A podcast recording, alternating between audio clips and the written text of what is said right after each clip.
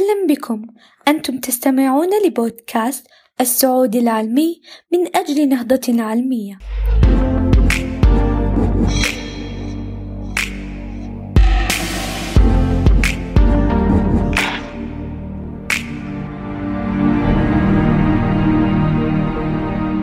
بروفيسورة غادة مطيري إحدى النجوم اللامعات في مجال العلوم.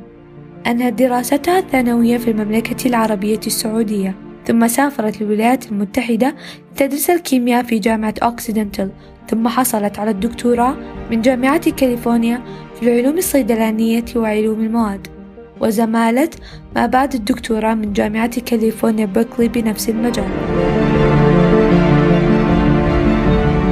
أثبتت هذه العالمة السعودية ما يمكن تحقيقه إن كان الإبداع والفضول هو المحرك مع العمل الجاد. وتدير حاليا مجموعة بحثية في مجال الصيدلانية الجزيئية. التابع لجامعة سان دييغو.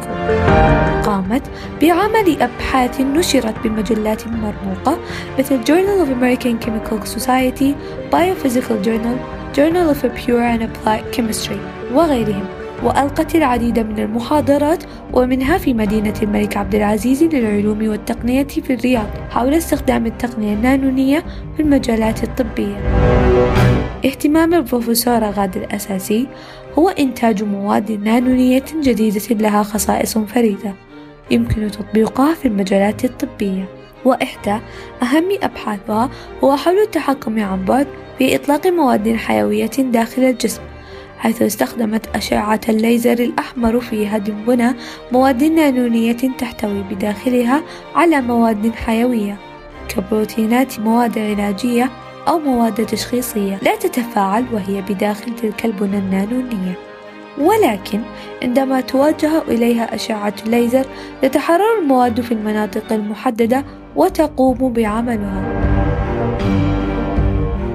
لا تتوقف أبحاث غادة مطيري عند هذا الحد حيث قامت لحد الآن بنشر أكثر من 25 رسالة بحثية وثلاث براءات اختراع منها لتطوير تقنيات تشخيصية باستخدام الضوء بدلا من المبضع تشغل حاليا منصب أستاذ في الهندسة النانونية وعلم المواد بجامعة كاليفورنيا سان دييغو وتدير معملا خاصا بها قيمته أكثر من مليون دولار. وهي أيضا مديرة مراكز التميز في طب وهندسة النانو بنفس الجامعة.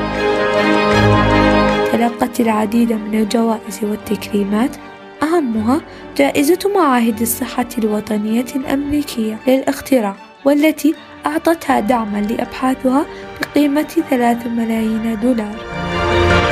تأمل العالمة السعودية غادة مطيري لربط معملها بنظائر في المملكة العربية السعودية ويكون حلقة وصل بين الجامعات الأمريكية والسعودية. إن البروفيسورة غادة مثال رائع يحتذى به للمرأة السعودية والعربية الطموحة المبدعة. وما يمكن للنساء عمله. إن أتيحت لهن الفرص المناسبة.